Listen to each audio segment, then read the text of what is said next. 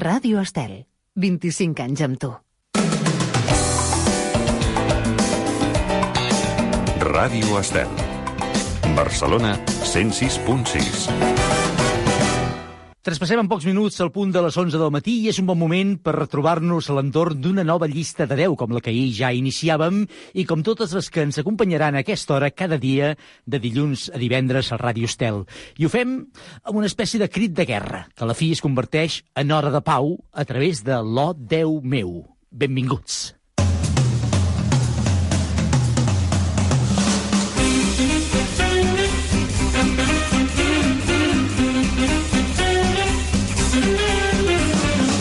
Oh, Déu meu, de dilluns a divendres d'11 a 12 del matí a Ràdio Estel.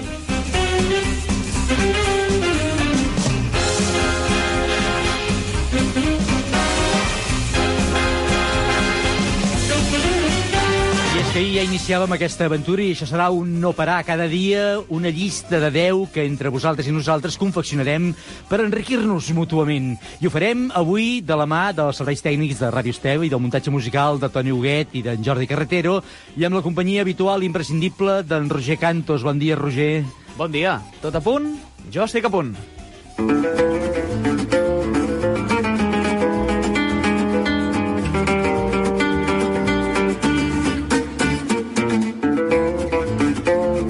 És veritat, ahir ho iniciàvem els aquests top tens diaris a Ràdio Estel i ho fèiem tot triant ahir les 10 millors pel·lícules d'amor que sé, ho sé, ho sé, ho sé, i em consta que van enamorar a més d'un i a més d'una sols o en parella, eh? Pues van enamorar molta gent ahir amb aquesta llista. No sé si alguna d'aquelles pel·lícules d'amor que ahir anomenàvem, Roger, ha marcat la teva vida amorosa. No cal que m'ho expliquis si no vols, eh? Però vaja... Home, alguna, alguna, alguna Sí? la tinc marcada, marcada, eh? I creen aquestes coses... Això aquests, passa, eh? Aquests ideals, eh? De l'amor, que al final tots tenim aquest ideal de l'amor romàntic, eh? Hi ha sempre una pel·lícula, és veritat, hi ha sempre una pel·lícula, en aquest cas una pel·lícula d'amor, que dius aquella va ser la, primera, la meva primera pel·lícula d'amor, eh? I la veuries, bueno, infinites vegades. Mm, alguna, sí, sí, sí, sí, no, és veritat, és veritat. Jo havia... Ah, puc explicar una... una... Home, endavant. No, és, és una intimitat explicable, eh? Però quan ja feien... Clar, jo soc, soc molt... Ara el que explicaré hi haurà gent que no ho entendrà. Però jo quan anava al cine, que era petit, feien sessió contínua, Mm. eh? Que anaven fent... Feien doble pel- pel·lícula i feien, anaven passant les pel·lícules. Doncs més d'una vegada m'havia quedat a veure la segona pel·lícula sencera que m'interessava zero per tornar a veure la primera una altra vegada. I que no feien fora, les podies anar veient tantes vegades com volguessis. Avui aquest problema ja, ja no el tenim, eh? No, no el tenim, no. Avui em sembla que et foten fora... Perdó, eh? Et fan fora de, de, de la sala quan, Sí. quan toca. Eh? En fi, les pel·lícules d'amor són font d'inspiració per la vida per a molta gent. Ah, És veritat que agraden de veure, però de vegades porten històries del verset ai, que també conviden a la nostàlgia. Això no sé si és gaire bo, això. Bé, ens agrada, ens agrada que ens remoguin per dintre, ens facin sentir, ens facin emocionar-nos, eh? I per Sí. això va ser un tema per, per iniciar aquesta aventura del Oh, Déu meu. No està malament, eh, que fem mirades nostàlgiques enrere, però sense passar-nos, perquè els records sovint ens retornen eh, bones sensacions, però també de tant en tant ens fan una mica, una micona de mal, eh, sobretot quan parlem d'històries d'amor. Així que deixem definitivament la llista d'ahir, deixem-la enrere, i ens endinsem en una de nova.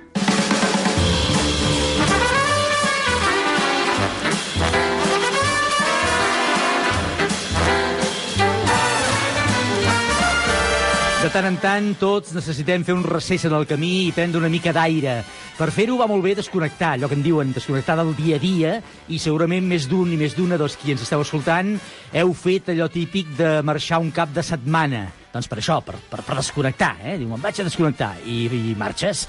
O no ho has fet tu mai, Roger, això? Doncs sí, mira, Ah. de fet, aquest cap de setmana mateix... estaves mirant com dient quines coses més rares dius. No, no, no, i ara et mirava amb cara de... I tant, quanta Ah, raó. bé, eh? bé. De fet, com deia, aquest cap de setmana mateix me'n vaig amb un grup d'amics per desconnectar i no hi ha cosa que em faci més alegria i més satisfacció que marxar i desconnectar amb, amb aire fresc. No et preguntaré on. No, no, no, no, cal, no cal que m'ho diguis, si no vols, eh? No passa res. Doncs avui anirem per aquí, no tant per sortir del cap de setmana com farà Roger i els seus amics aquest cap de setmana, sinó eh, això de tenir l'oportunitat de trobar-se amb un mateix, de trobar aquell indret, aquell paratge, aquell racó, en definitiva, que ens ofereix aquesta possibilitat de desconnectar a través de la seva tranquil·litat. Avui, atenció, busquem 10 racons tranquils. I per acotar encara una miqueta més, direm 10 racons tranquils de Catalunya. Jo què sé, una plaça, un carrer, potser una cala o una platja amagada o una font a la muntanya, jo que sé, poden ser moltes coses, eh? Vull pensar que tots en tenim algun de racó fixat i que hi anem i ens hi refugiem quan ens cal. Em sembla a mi que deu ser així. Exacte, un racó que ens faci sentir especials i que ens faci sentir per uns moments evadits del món. I en solitari.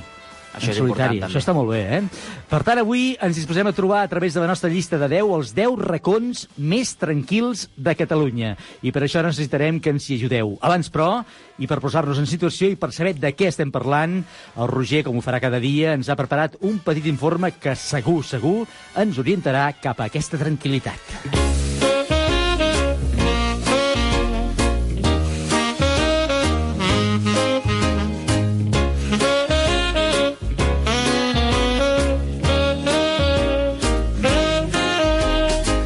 Tenim els Pirineus, amb un munt de pobles pintoresc, i tenim quilòmetres de costa amb cales encantadores, platges semisecretes i viles blanques.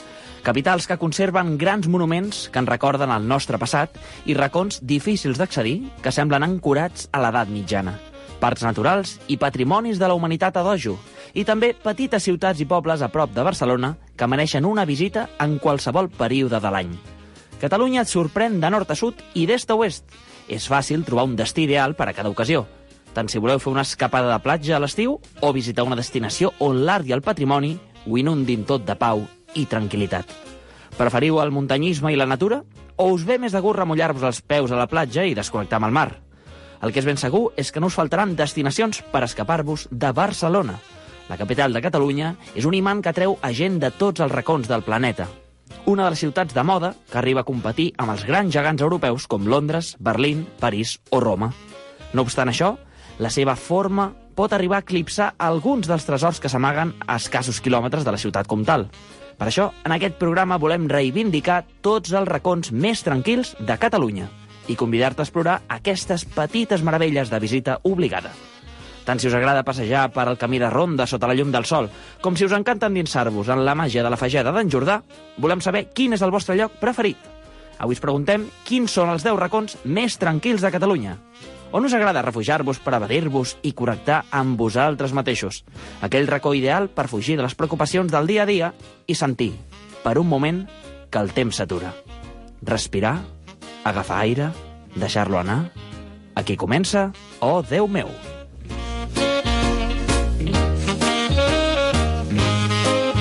Saps que em sembla que m'agradarà molt aquesta llista?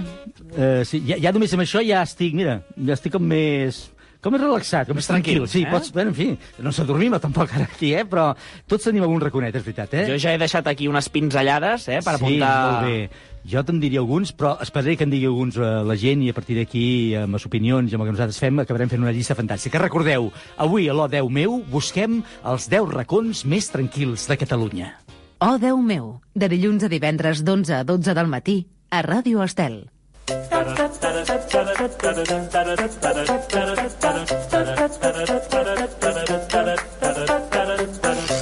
Molt bé, doncs ja ho tenim tot situat, ens hem situat una mica, anem una mica orientats, diguéssim, amb tot això que ens has explicat, no partim de zero, perquè a vegades et diuen "Escolta, el racó més tranquil, i dius, no sé, tu, el, el, el, el, el meditació de casa meva. No, busquem coses, llocs bonics, llocs emblemàtics, segur que tots tenim aquest racó especial tranquil i que hem visitat alguna vegada o que visitem sovint, precisament per trobar aquesta tranquil·litat que avui, avui citem, que avui demanem. Però recordeu que la llista l'hem de fer entre tots, entre vosaltres i nosaltres, però la gent és important, eh? És molt important, i és per això que des d'ahir, tan aviat va acabar el programa, ja us vam llançar la proposta, el repte de que ens diguéssiu quin és el vostre indret, el vostre racó preferit per trobar-vos-hi amb tranquil·litat i amb molta pau. I des d'ahir ja hem rebut molts estímuls a través de les xarxes socials, de correu electrònic, de tota mena de canals que tenim per comunicar-se amb el nostre programa. Perfecte. I tenim una bona llista. Recordem tot i així que com, eh, a través de quins mitjans, com ho poden fer la gent per comunicar amb nosaltres, fer-nos arribar les seves opinions. Punts. Doncs és molt, és molt senzill, eh? A través Vinga, de les xarxes apunto. socials. Apunta, pren nota. Buscant O Déu meu, eh? tant a Instagram com a Facebook, buscant és tan fàcil com O Déu meu. Eh? Ens hi podeu trobar i podeu dir-hi la vostra o enviar-nos un correu electrònic a odeumeu arroba radioestel.cat. Recordem que aquest O Déu meu és amb OH, eh? i amb un 10 amb números. O Déu meu, eh? Molt bé, doncs tots aquests mitjans, eh, Instagram, Facebook, correu electrònic, eh, podeu utilitzar-los per comunicar-vos amb nosaltres i també recordem que entre tots els que hi participeu sortejarem un lot de vins Lovers Wine Elegance. Eh? Entre tots farem una, un sorteig vaja, ben, ben suculent. Doncs aquest sorteig el sabrem, eh, evidentment, al final del programa, perquè fins que no arribem al final, doncs encara teniu temps a dir-hi la vostra. Així que si encara no ho heu fet, obriu el mòbil, obriu l'ordinador i encara sou a temps d'enviar-nos un correu electrònic o tan senzill com comentar una publicació. Doncs atenció, que perquè començar a saber ja algunes de les opcions que tenim avui, escoltarem aquesta, alguns àudios, algunes veus vostres que hem recollit, que hem registrat per la llista d'avui. Són aquestes. Hola, soy Guille y mi sitio favorito de Cataluña es los búnkers del Carmel porque se está muy tranquilo allí y disfruta del paisaje y de todas las vistas de Cataluña. Hola, em dic Maruan i per mi el lloc més tranquil de Catalunya és a un petit poblet que es diu Lluçà i concretament a dalt del castell.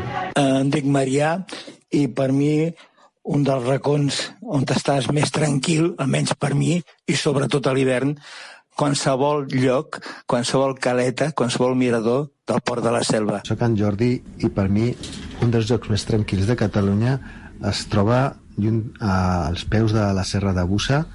Al costat hi ha una, una ermita, una, una església romànica que es diu Sant Pere de Grau d'Escales i l'entorn és increïble i al costat és un riu que és la- l'aigua la, d'Ora i bueno, és per deixar-se endur per, per tot el que t'envolta. Adeu i gràcies. Eh, soc en Gabriel i mireu, per mi l'indret més tranquil de Catalunya a l'hivern, a l'estiu impossible, és la platja del Varador de Mataró. És un indret eh, magnífic que a mi em serveix per adquirir molta, molta tranquil·litat. Hola, sóc Pere López de Sant Vicent dels Horts. Oh, I era el meu racó preferit és la Montserrat, la muntanya màgica. Uh, per a mi Montserrat és el lloc ideal per anar a passar un diumenge matí amb bona companyia, uh, agafant el cotxe, arribant al funicular. El meu racó tranquil preferit de Catalunya és el mirador de la Devesa, a Bagà. Des d'aquest mirador tens una vista panoràmica espectacular de la vall del Bastareny i del Llobregat. I si el dia és clar, pots veure des del Pedraforca fins a Montserrat. Un regal. Como rincón tranquilo, el- mi lugar favorito de Barcelona es la Plaza Sant Felip Neri, que a día de hoy, aparte de la importancia histórica que tiene este edificio, es la plaza del un el patio de recreo de un colegio. Y esto me parece que le da más valor aún a este lugar. Oh, Déu!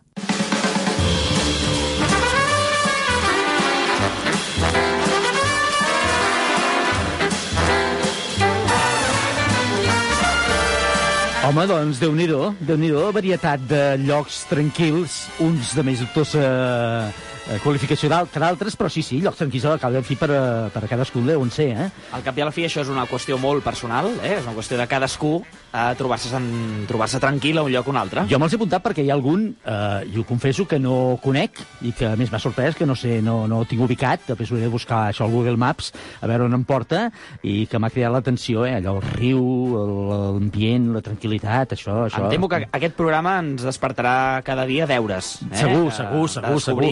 És un dos, una de les missions del programa, eh? també, que descobrim, que aprenguem, que sapiguem coses noves cada dia i que puguem divulgar a través de la gent que en les seves propostes eh, llocs, per exemple, com avui, per visitar. Tu ja has estat a un d'aquests llocs que s'han dit? A Montserrat sí, segur que has A estat. Montserrat sí, sí a ja, a ja hem més, estat tots. eh, recentment. Tu tens pinta d'escolanet, a més a més, vull que... No tinc la sort. Bueno, no, no home, la sort. jo a casa era el somni a casa meva perquè jo fos escolanet a Montserrat, eh? Doncs- No ho vaig ser mai perquè no ho vaig... Mira, perquè la meva tia Carolina no es va decidir portar-me cap allà, però si no, mm, jo, jo cantava bé, eh? jo afinava, eh? Jo a la dutxa encara practico, Sí, encara practico per si encara tinc l'esperança d'entrar a l'escolania. Però ja no, ja no, no treu tot el cap. treu tot el cap. la rosa. Està passat, sí, sí. Bé, eh, doncs, eh, diversos, eh, diverses possibilitats són les que tenim. De fet, això de la tranquil·litat no deixa de ser una mica sub- subjectiu, per tant, cadascú la veu i la viu com vol, i nosaltres eh, aquí ja tenim unes propostes, seguirem engruixint aquesta, mm, aquestes propostes a través de, dels correus electrònics, que recordeu, podeu enviar durant tot el dia, però molt especialment durant el programa, a odeumeu arroba radioestel.cat. I en tenim moltíssimes més que anirem desgranant Sí? eh, amb la resta de programa. Doncs vinga, posem-hi música. Anem per la música perquè de les moltes feines que tens encarregades, Roger, bé, gairebé totes les tens encarregades tu, eh, no hi ha ningú més, un... tu, tu i el, i el. Jordi Carretero, us heu de venir, jo, jo us vaig donant, vaja, us vaig donant vidilla i vosaltres aneu fent, eh? Però de les feines que tens encarregades, una és la de triar un tema musical que ens vinculi d'alguna manera amb la llista d'avui. Eh, quina cançó has triat per avui? Doncs avui he triat una cançó que em resulta a mi molt especial i que m'ajuda, eh, m'ajuda a evadir-me quan vull buscar aquest moment de pau i tranquil·litat. Sí? És una cançó que per mi em resulta ideal. I és una cançó que s'anomena Fix You, del grup Coldplay.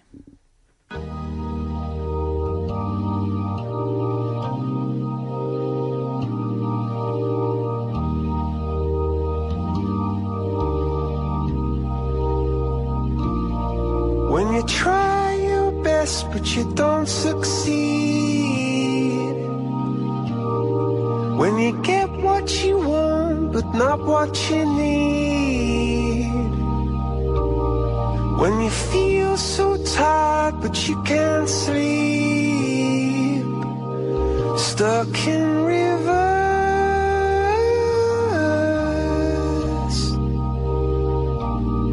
And the tears come streaming down your face When you lose you can't replace When you love someone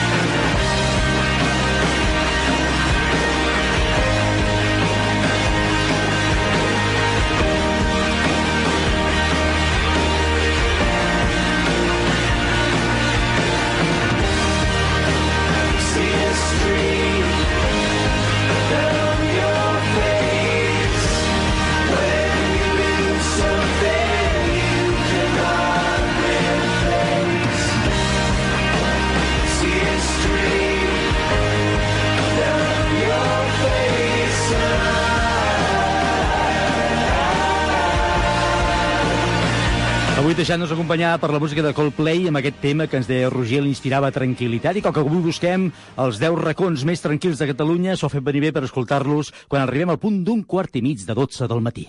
Ràdio Estel. Família 50, sóc en Sergi Mas. 50 avança una hora la seva emissió en directe. Començarem a les 10 del matí i acabarem a les 11 per parlar de les coses que ens passen als 50ers.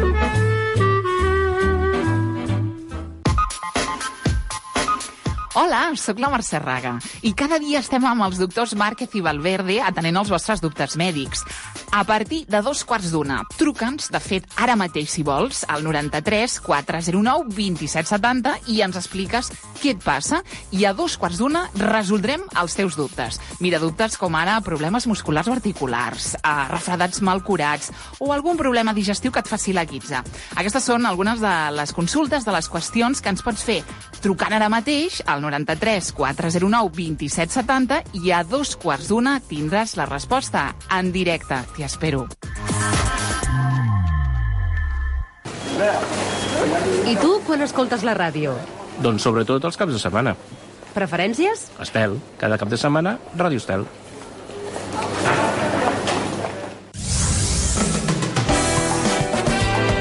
Ràdio Estel.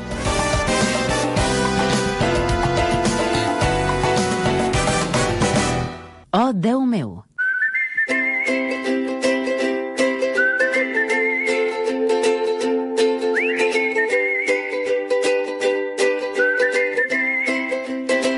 I avui, a l'O Déu meu, a la llista de 10, aquest top 10 que busquem cada dia, ens hem proposat trobar els 10 racons més tranquils de Catalunya. Ho estem fent a través de les vostres aportacions, a través de l'Instagram, del Facebook, del correu electrònic. Ben aviat també incorporarem la possibilitat que ens podeu enviar àudios a través d'un número de WhatsApp. Per tant, vosaltres sou partíceps totals en aquest 10, aquest 10 que cada dia farem, aquesta llista de 10, aquest top 10, en aquest O Déu meu, des de Ràdio Estel.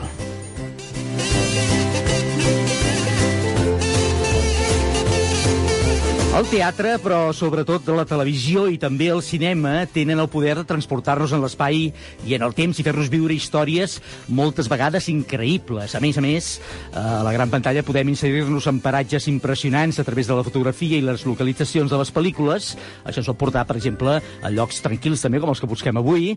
Però des de fa uns anys també la televisió ha sabut trobar fórmules a través de les quals fer-nos veure i viure món. Ocupen aquests programes bona posició a les audiències, eh, sobretot els programes de viatges i de viatgers. Però aquí a Catalunya hi ha algú que ha sabut trobar una fórmula més propera, però no per això menys efectiva. No només això, sinó que durant aquestes últimes temporades ha arrasat amb les audiències del programa, un programa que sovint visita nuclis petits de població i que ben bé alguns d'ells podrien entrar, com dèiem avui, a la nostra llista de 10 dels racons més tranquils de Catalunya. El seu principal culpable ens espera a través de la línia telefònica. Quim Masferrer, bon dia i moltíssimes gràcies per acompanyar-nos. Bon dia. Quim Masferrer és, sobretot, suposo que ell estarà d'acord, ara li preguntaré, sobretot, actor, un actor que s'ha patejat, si no tota gran part de Catalunya amb els seus espectacles, primer durant molts anys amb la seva marca de teatre de guerrilla i ara en solitari amb els seus darrers espectacles. De l'èxit de la seva fórmula televisiva del foraster ja ningú no en dubta perquè ha demostrat sobradament que és una fórmula que funciona i, sobretot, que empatitza amb els seus interlocutors. De fet, una de les frases que ha fet fortuna d'aquest programa, la de Sou molt bona gent, ha acabat donant títol també al seu darrer espectacle teatral. No sé, Quim, si tot això, tot aquest èxit, el tenies molt, molt, molt, molt planificat o t'ha sorprès a tu mateix, tot això? Uh, no, no, planificat. Sí, sí que és cert que sempre que, que uh, prepares una, una, una, un espectacle de teatre o un projecte televisiu, jo almenys tinc per costum de, de, uh, d'encarar-lo que, que serà un èxit. Almenys és una manera de fer molt, però des de sempre, eh? Mhm. I, I mira que hi ha hagut espectacles fallits, espectacles mediocres, però la meva manera d'encarar els projectes sempre és eh, amb aquesta intenció de dir això anirà molt bé, això serà molt bo, això funcionarà molt, tindrà molta audiència. Però eh, sí que és cert que, per exemple, l'èxit del Foraster eh, jo crec que, que ens ha sorprès una miqueta a tots, després de set temporades, cada temporada més audiència, um, gairebé podríem, el podríem tillar de, de, de fenomen. És un, un, un fenomen televisiu que, per, en el meu cas, va més enllà d'un projecte televisiu, perquè és, el- fins i tot a mi el Foraster eh, no només m'ha canviat la vida professionalment, sinó també personalment. Mm -hmm. He conegut, a, he fet molts amics, he conegut a molta gent, i és d'aquestes eh, d'aquests regals que té preparat la vida, que no saps mai quan, quan apareixerà, no? I que, per tant, doncs, eh, n'estic molt content. I apareix, i apareix, un, un dia apareix, però l'inici de tot plegat és el teatre, eh, sempre.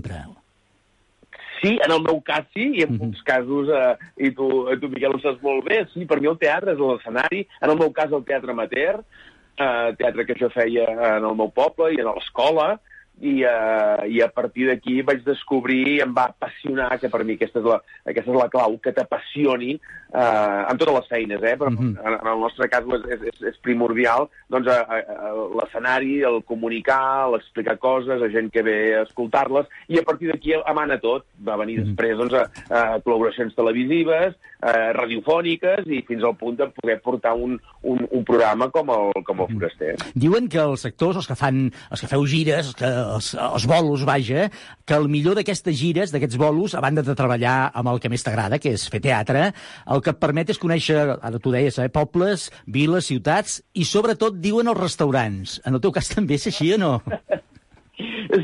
Sí, de tota manera jo eh, eh, aquí em podria considerar bastant una excepció, perquè no, no sóc gaire sibarita. És a dir, eh, quan vaig a treballar o quan estem gravant fins el foraster, que mira que ens tracten bé eh, i que mengem bé pels pobles de Catalunya, però jo sóc dels de menjar poc, perquè quan estàs treballant eh, precisament eh, no, no m'agrada menjar massa i, i sovint eh, eh, eh, et, serveixen doncs, els plats típics i la majoria de vegades molt copiosos i, i de difícil digestió i jo soc més de dir, escolta, perdona, una, una verdureta i una cosa a la planxa no podria ser.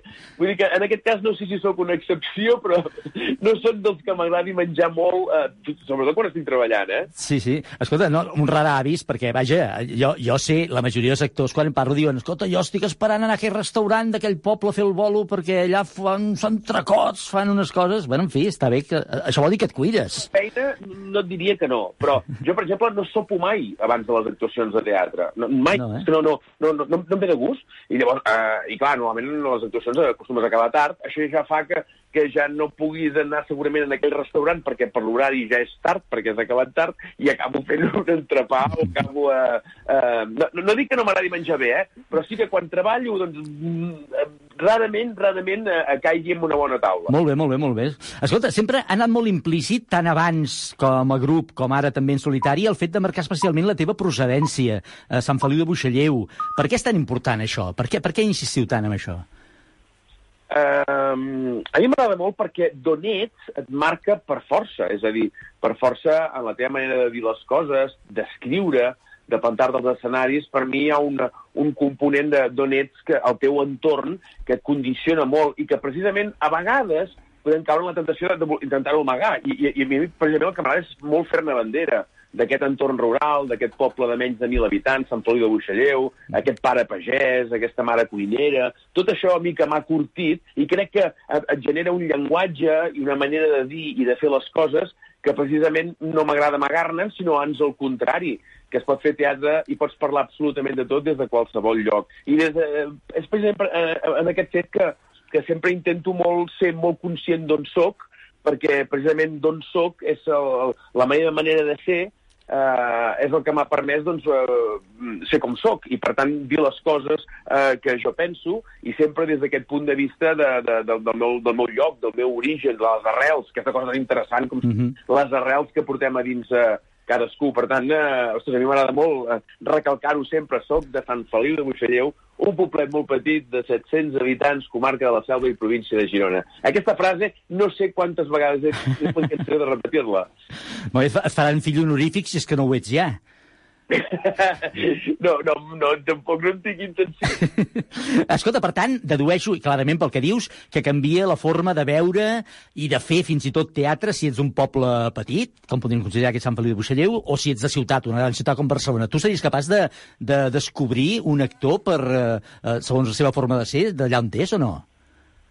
Oi, no ho sé. El que sí que puc dir és que condiciona, però no, no, no només els actors i les actrius, eh, la gent en general, és a dir, Um, d'on ets et marca moltíssim i, i depenent de la geografia eh, és molt diferent la gent que viu al Pirineu, que fa fred, que hi ha neu, eh, que la gent del Delta de l'Ebre, que, que la llum, eh, la bonança fa que, que, que passin molt de temps al carrer, o la gent de l'Empordà, que la tramuntana els ha d'afectar per força, eh, o la gent de la plana de Lleida, que conviuen bona part de l'any amb boira. Això ens ha d'afectar per força, d'on som, de si són poblacions petites, poblacions grans, del clima, eh, tot això eh, que és inherent a nosaltres mateixos, ens va curtint i que genera aquesta diversitat i aquesta diferència tan interessant fins i tot dialectalment parlant. Que bonic que és escoltar algú de, de Girona, com jo, però que de cop i volta et trobes amb algú de, de Lleida o de la Franja o de la Catalunya Nord o del Delta de l'Ebre amb l'accent eh, peculiar de cada lloc. Això no és res més que riquesa i pluralitat i diversitat que en conjunt fa, fa, el que és un país, no?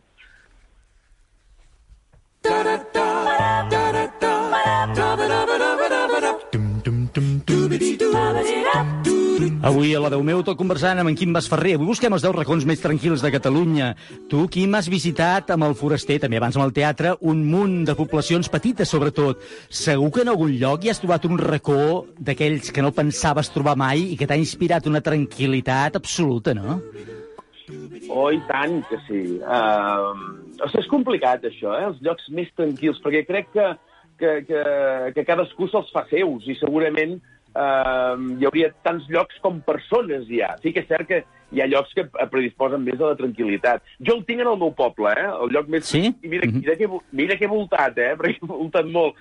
Però jo tinc un raconet a Sant Feliu de Buixalleu, que és la, el Pla de Santa Bàrbara, que hi ha l'ermita de Santa Bàrbara, eh, on és un cim enlairat que divises una miqueta tot el territori del, muni- del, del municipi, que eh, veus fins i tot el mar, gairebé eh, a l'altre costat no veus Montserrat, però un dia molt clar podries arribar a veure. I aquest és, és el meu lloc. És el meu lloc de, que hi vaig a badar-hi molt, que hi pujo molt, eh, i a part de, té té una cosa que és molt interessant, i és que jo allà de petit hi havia anat, hi havia pujat Clar. en bicicleta, hi havia passat moltes estones, hi havia festejat, eh, havia fet cabanes, i tot aquest component... Per això dic que els llocs tranquils a vegades eh, no només és pel emplaçament, sinó també pel passat i el que et suposa, no? I a mi pujar allà dalt és melanconia, és tirar enrere, és eh, saber que és teu, saber que, que forma part de la teva vida, i per tant Santa Bàrbara per mi és el lloc més tranquil de Catalunya,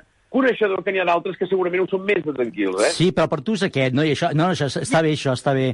Està bé perquè per cadascú serà per una cosa de diferent, uns per això el que tu deies, per la melanconia, perquè els torna al passat, perquè els recorda, d'altres perquè hi han trobat no sé què, i uns altres perquè, per això que deies tu, perquè anaven a festejar, que també és un punt important de la vida, eh, en un racó d'aquests. I mira, n'hi ha un altre Sant Feliu, eh, i que, ostres, és un lloc així que, que ara diran, ostres, aquest en Mas Ferrer també és una miqueta estrany. Però, perdona, m'agrada, tinc ganes d'explicar-vos-ho. Sí. Un lloc on m'inspira molta tranquil·litat és el cementiri de Sant Feliu de Buixalleu. És un cementiri molt petit, hi ha 100 nínxols només, al mig del bosc, eh, queda a uns dos quilòmetres de casa dels meus pares, no hi ha res més al voltant, allà evidentment hi tinc enterrats molts avantpassats meus, Mhm. eh, els meus avis, per part paterna, i, i anar allà, que no se sent res, en, al, al vell mig d'aquest cementiri, eh, que hi ha una part familiar meva allà, de repòs, de calma, de silenci absolut, Ostres, és un lloc que personalment m'agrada molt anar-hi. Si a Santa Bàrbara hi trobo tranquil·litat, al cementiri hi trobo pau, que podrien arribar a ser una miqueta sinònims l'un de l'altre, no? Està bé, està bé, interessant, interessantíssim això que expliques del cementiri. Diuen que pel sector és un dels moments també no sé si de tranquil·litat, però a vegades fins i tot eh, una mica de, de depressió és després d'un teatre tot ple que ha estat rient o aplaudint o plorant o emocionant-se amb el que fas, se'n va tothom i et quedes tu sol a l'escenari. Sí, és una sensació, és una sensació estranya, perquè acabes de gaudir en la majoria de casos d'una bona ovació de la feina que, que has fet en un teatre ple, i, i de cop i volta la gent se'n va i tu et quedes sol allà, només potser amb el so dels companys que recullen eh, el tema de l'equipament tècnic, i sempre és una sensació molt estranya. I jo, ara que faig actuacions sol, després tinc tot un trajecte sol a dins del cotxe, i, i que i, i, que hi penso sovint amb això, eh? Es fa un momentet, eh, t'aplaudien mil persones aquí en el teatre, o 500, els que, els que hi hagin, i, eh, i, era- i era tot remor i tot, tot ple de- de- de- de- d'emocions, d'emotivitat, que és molt a flor de pell, i ara estàs sol aquí dins del cotxe I, eh, però bé, a mi personalment m'agraden molt les dues... La, la, Els dos extrems, eh? del cotxe eh, no, no la sentiries si abans no haguessis vist Clar. eh, els aplaudiments de l'ovació, no? Mhm. Per tant, eh, sí que és cert això que comentes. Fins i tot se n'han arribat a fer que, cançons, no?, de, de la solitud de cançons i, i, i, i, i, i, molta, i molta lletra, no? Mhm. La solitud del, del, de l'actor o de l'actriu, sí, sí. Cert. Escolta, el programa El Foraster ha tingut, de fet, té encara camí, primer perquè vas exportat al terreny espanyol, eh, l'hem pogut veure en versió castellana també a televisions de tot l'Estat, però pràcticament calcat el que aquí fas tu, després ha també com una, com una seqüela, dic calcat en el format, eh? una seqüela teatral, no? Eh, quan eh, veus, eh, per un costat, quan veus un programa tan personal com el teu, eh, que fet per altres persones, què, què, què, què sents? Què et passa per dins? Uh, a, mi, a mi personalment m'agrada molt. M'agrada molt eh, quan Brutal Media, la productora que fa el Foraster aquí, em va dir, ostres, Quim, hem vengut els drets de televisió espanyola i es farà uh, El Paisano, que és la versió Sí. del Foraster.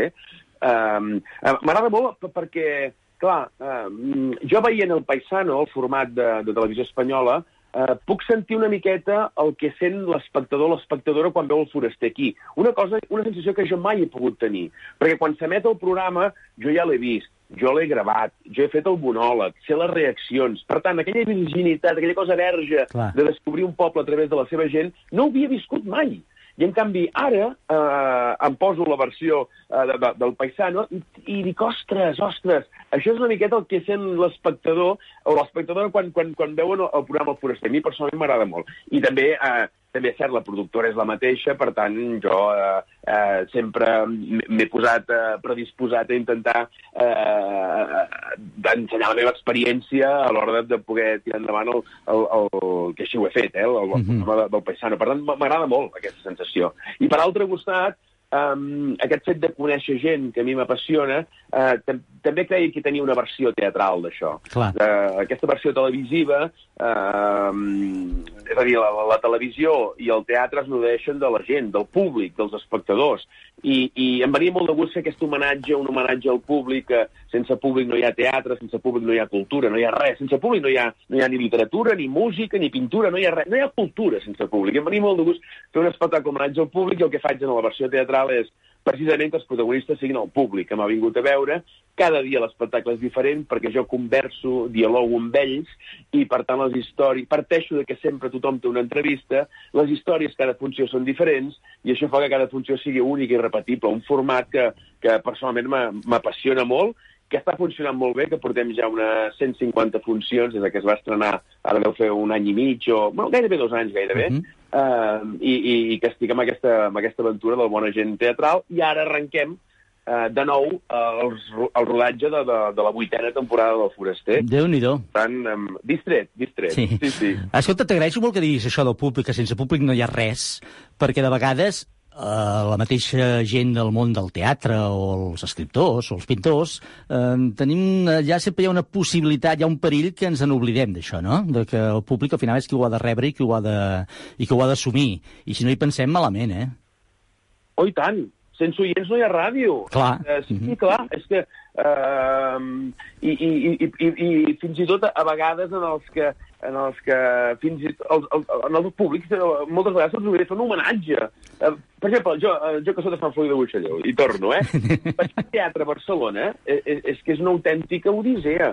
El que costa l'autopista, el pàrquing, les entrades al teatre, que no són pas precisament Clar. que estiguin bé de preu. Uh, has de sopar una miqueta. Eh, Perdona, gairebé a, a, a la persona de comarques que entra en un teatre de Barcelona se'ls hauria de regalar un ram de flors i un cap de setmana. Sí, senyor. Sí, senyor. Pel sol fet d'haver fet tot aquest esforç per... Per tant, ostres, jo crec que el, el, jo no dic que el públic sigui el gran oblidat, no, no ho dic, eh? però sí que en aquest espectacle em venia molt, em venia molt de gust de fer èmfasi en la importància que sempre s'aplaudeixen els que pugem a l'escenari, eh, i en canvi a mi em venia de gust aplaudir des de l'escenari a la gent que s'ha acostat en el teatre. No? Aquest és una miqueta l'objectiu del Bona Gent. Avui que busquem eh, els 10 racons més tranquils de Catalunya, des d'aquesta llista de 10, d'aquest top 10 de l'O10 meu, hem volgut conversar, ens ha agradat molt conversar amb en Quim Masferrer, perquè de racons tranquils i no tan tranquils n'ha pogut viure i molts durant aquests últims anys amb les seves visites, no només al programa televisiu El Foraster, sinó també tot fent teatre per aquests pobles de Catalunya. Quim, un plaer, moltes gràcies, molta sort amb la nova temporada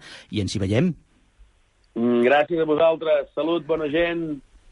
Oh, Déu meu, cada dia una llista de 10 per enriquir la nostra vida. Ba-ba-dum, ba-ba-dum, ba-ba-dum, bum-bum.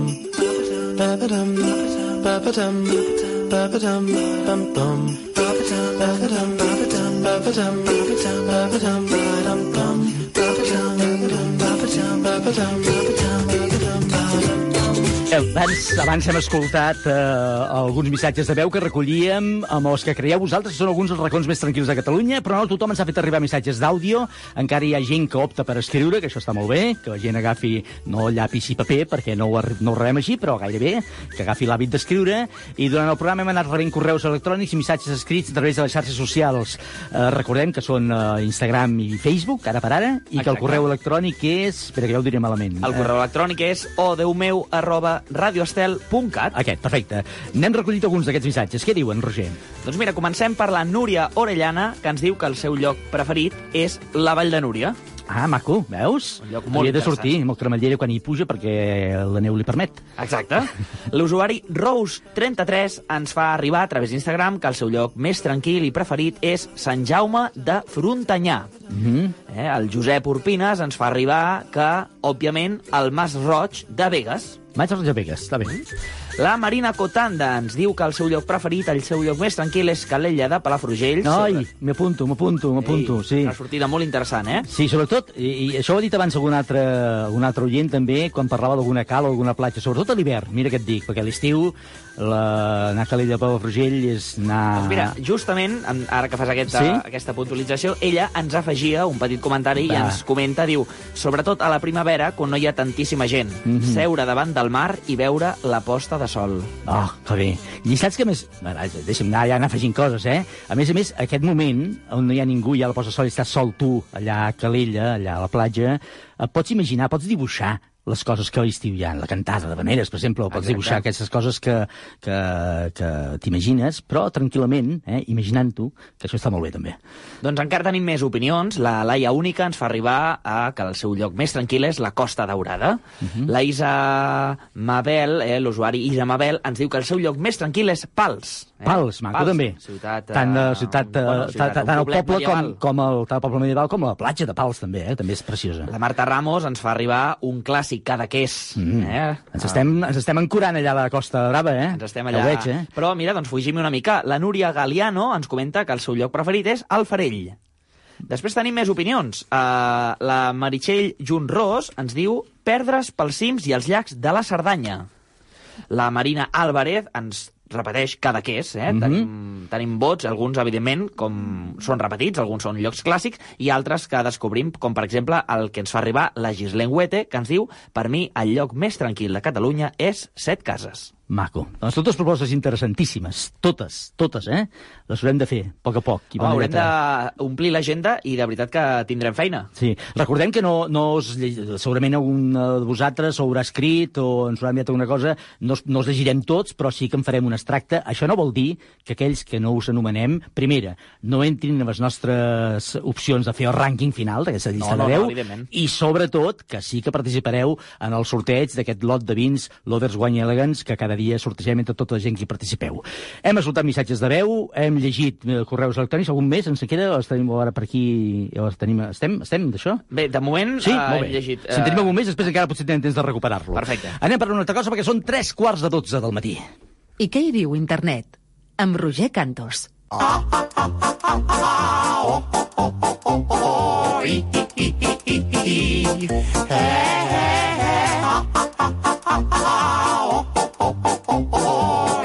Hee hee hee hee hee. ah.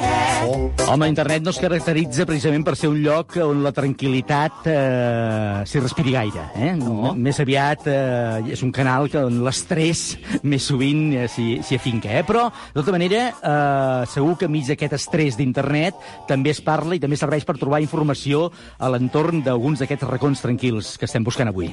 Doncs per fugir justament d'aquest estrès que tu em proposes, he volgut fer una proposta, i una proposta molt especial, i t'explicaré el per què. A veure. Aquesta setmana m'he trobat amb gent que em deia home, un lloc especial, clar, clar que en tinc molts, però clar, estan lluny, eh, és difícil anar-hi, he de buscar un forat a l'agenda, i jo vull trencar aquest mite, vull trencar una estaca en contra d'aquesta gent que diu que per trobar un lloc tranquil, un lloc relaxat, s'ha d'anar molt lluny, almenys de Barcelona. A veure, aviam. Per tant, tu ara estàs partint en la suposició que aquest que està buscant un lloc tranquil és de Barcelona. Exacte. Que és una Eh? visió, permetem que t'ho digui, totalment centralista Una i és miqueta. viaixada del país, eh? Una miqueta, sí. eh, Miquel, tu ja ho ets una mica, soc sí. una mica urbanita, Sí. eh? I, i avui, almenys, la proposta que farem d'avui... Per tant, aviam, aviam que ho entengui jo. Que ho entengui jo. Tu ara diràs, us ho diré molt fàcil perquè podreu anar-hi en, en 10 minuts, un quart d'hora.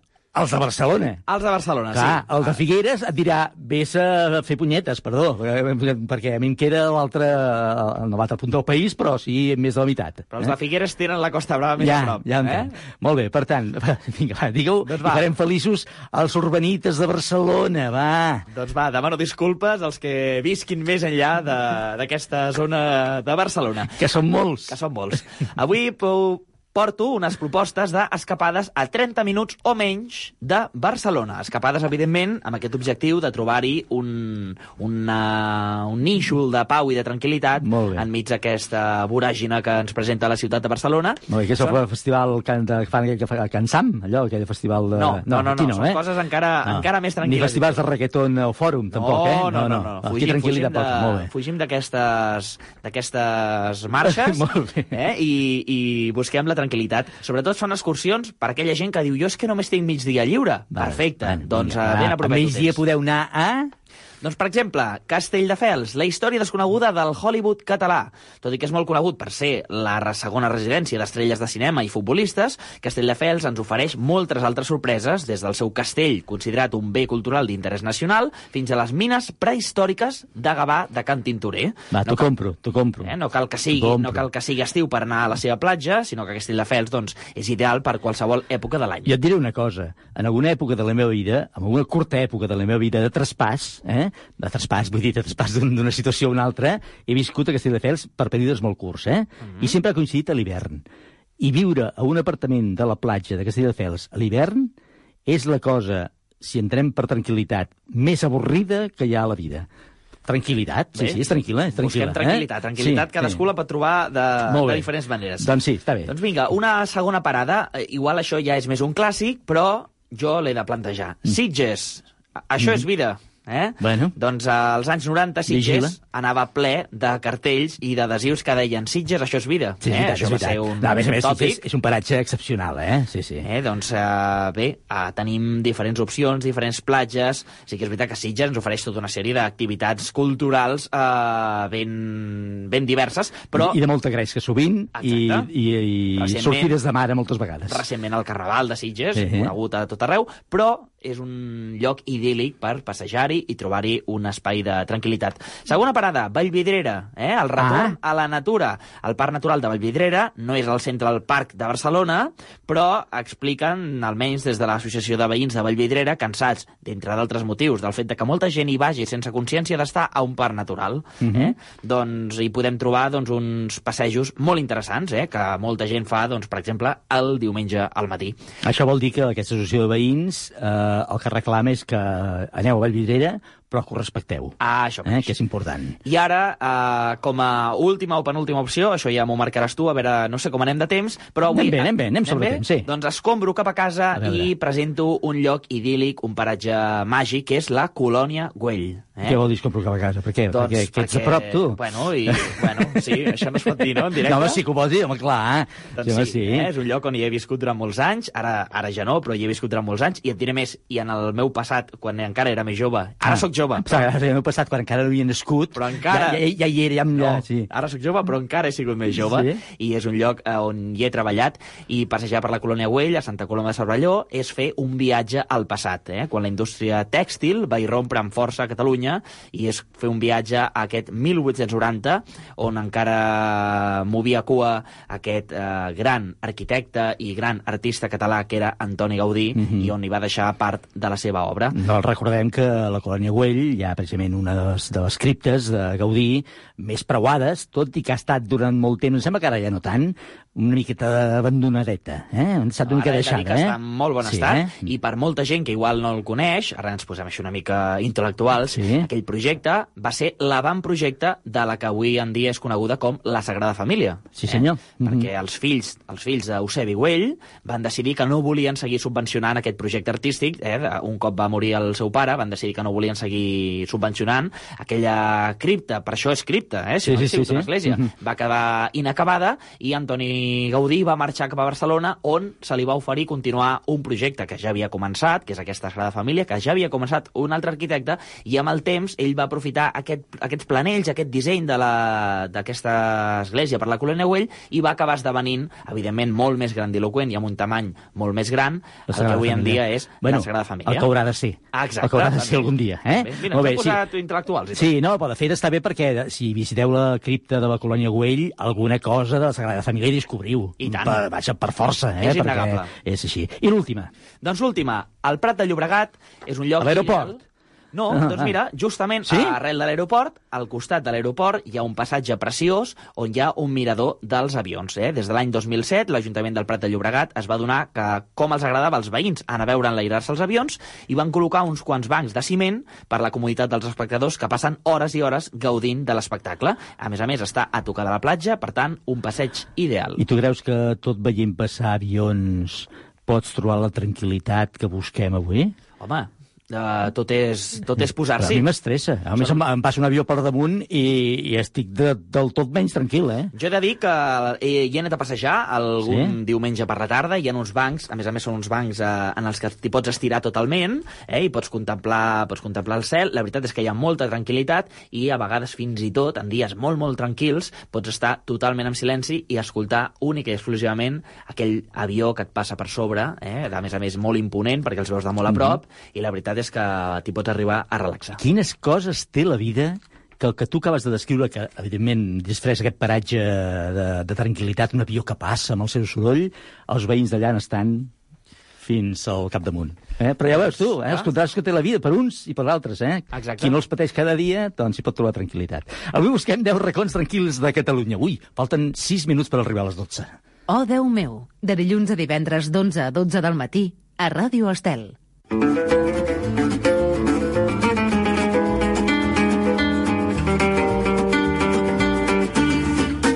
Molt bé, doncs ara jo crec que sí que ja tenim déu nhi la informació que tenim a l'entorn de la llista d'avui. Recordeu que estem buscant els 10 racons més tranquils de Catalunya. Us heu manifestat, de fet heu fet, o ens heu fet arribar algun racó que ens ha sorprès fins i tot. No sé si tots respiren tanta tranquil·litat com ens dèiem, però aquesta és una percepció que heu de rebre vosaltres i per tant que és personal, intransferible i així ja ens val. Per exemple, jo pensava abans quan alguns deia Montserrat, deia, home, Montserrat sí, però un diumenge al matí molt, molt tranquil no hi és, no és, eh? Però la- l'ambient, aquell ambient de pau Mira, sempre hi és. Hi ha una cosa que jo, ja ara ho diré, ho diré molt ràpid. Jo, fa molts anys, quan sempre que anava a Montserrat, m'escapava a un, tot caminant les escales amunt, a un racó que se'n diu el Pla dels Ocells, Mhm. que està molt a prop, eh, de, de fet, de, de, de, del centre de Montserrat, però que no s'escolta res. Res, res. I és mm, pau i tranquil·litat absoluta. Doncs prenc nota, prenc Sí, nota i t'hi sumo a la llista. Segur que el lloc en si, eh, com dèiem, eh, Montserrat un diumenge matí no ho és, però sí que inspira aquesta tranquil·litat. Jo recordo, com deia, el Pla dels Ocells, i no sé si t'ha sorprès alguna cosa més d'alguna altra proposta, Roger, abans d'acabar, una... alguna Bé, no, no tan sorprès, sinó que he anat apuntant idees a la meva Sí? pròxima agenda d'actes que pronostico que serà, serà tapaïda. T'he vist molt atabalat mentre feia l'entrevista, intentant eh, posar en ordre tots aquests, eh, tots aquests eh, indrets que ens deien, i per tant, jo crec que entre tots hem llegit, escoltat de la vostra opció, per tant ja ho tenim tot a punt, per tant és el moment de conèixer l'O 10 meu d'avui, la llista dels 10 racons més tranquils de Catalunya. Cada dia una llista de 10 a Ràdio Estel. Número 1. Al nord-est de la província de Girona, envoltat de boscos de pi negre, hi trobem la Vall de Núria. Número 2. A 100 quilòmetres de Barcelona, al vell mig de l'Empordà, una vila medieval del segle IX, Pals. Número 3. L'església romànica més emblemàtica de Catalunya, als peus del Pirineu lleidatà, hi trobem Sant Climent de Taüll. Número 4. Protagonista de l'Alt Empordà, el Cap de Creus declarat com a bé cultural d'interès nacional, Cadaqués. Número 5. Un indret congelat al món per tornar a principis de segle, abans hi hem parlat, la colònia Güell. Número 6. Epicentre de la Garrotja, terra de volcans, on hi trobem, per perdre's, la Fageda d'en Jordà. Número 7. Tot i que cada cop més massificats, segueixen sent un lloc icònic per contemplar unes vistes excepcionals de la ciutat comtal, els búnkers del Carmel. Número 8. Ens anem a una comarca, essència del Pirineu i capital de la cultura occitana, la Vall d'Aran. Número 9. Caminant, caminant per la Costa Brava podem fer de Cadaqués fins al Cap de Creus o del Cap de Creus fins a Cadaqués el camí de ronda. Número 10. Tant si pugeu a peu com amb cremallera, Montserrat segueix sent una seu de parada obligatòria per respirar-hi pau. Així que, avui, en desena posició, Montserrat.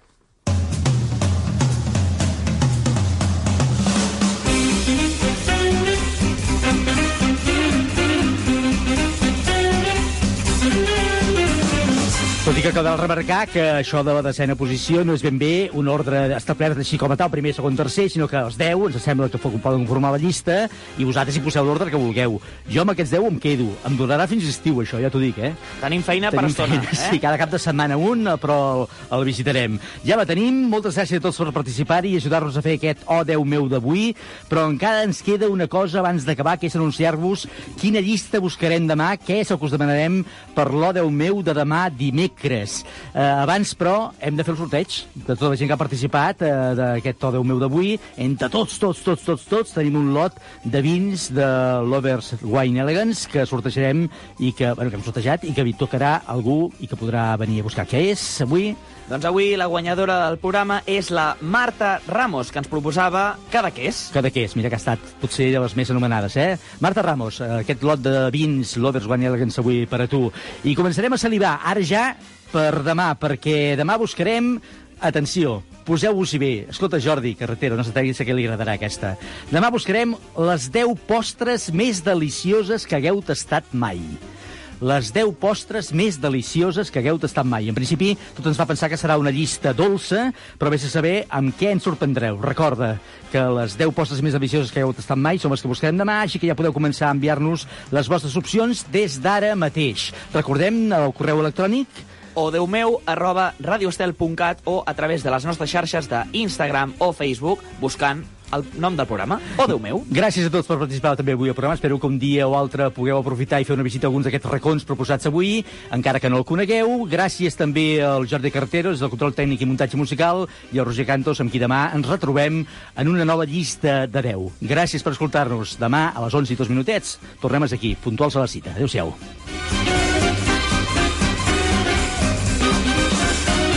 Oh, Déu meu, amb Miquel Morgà.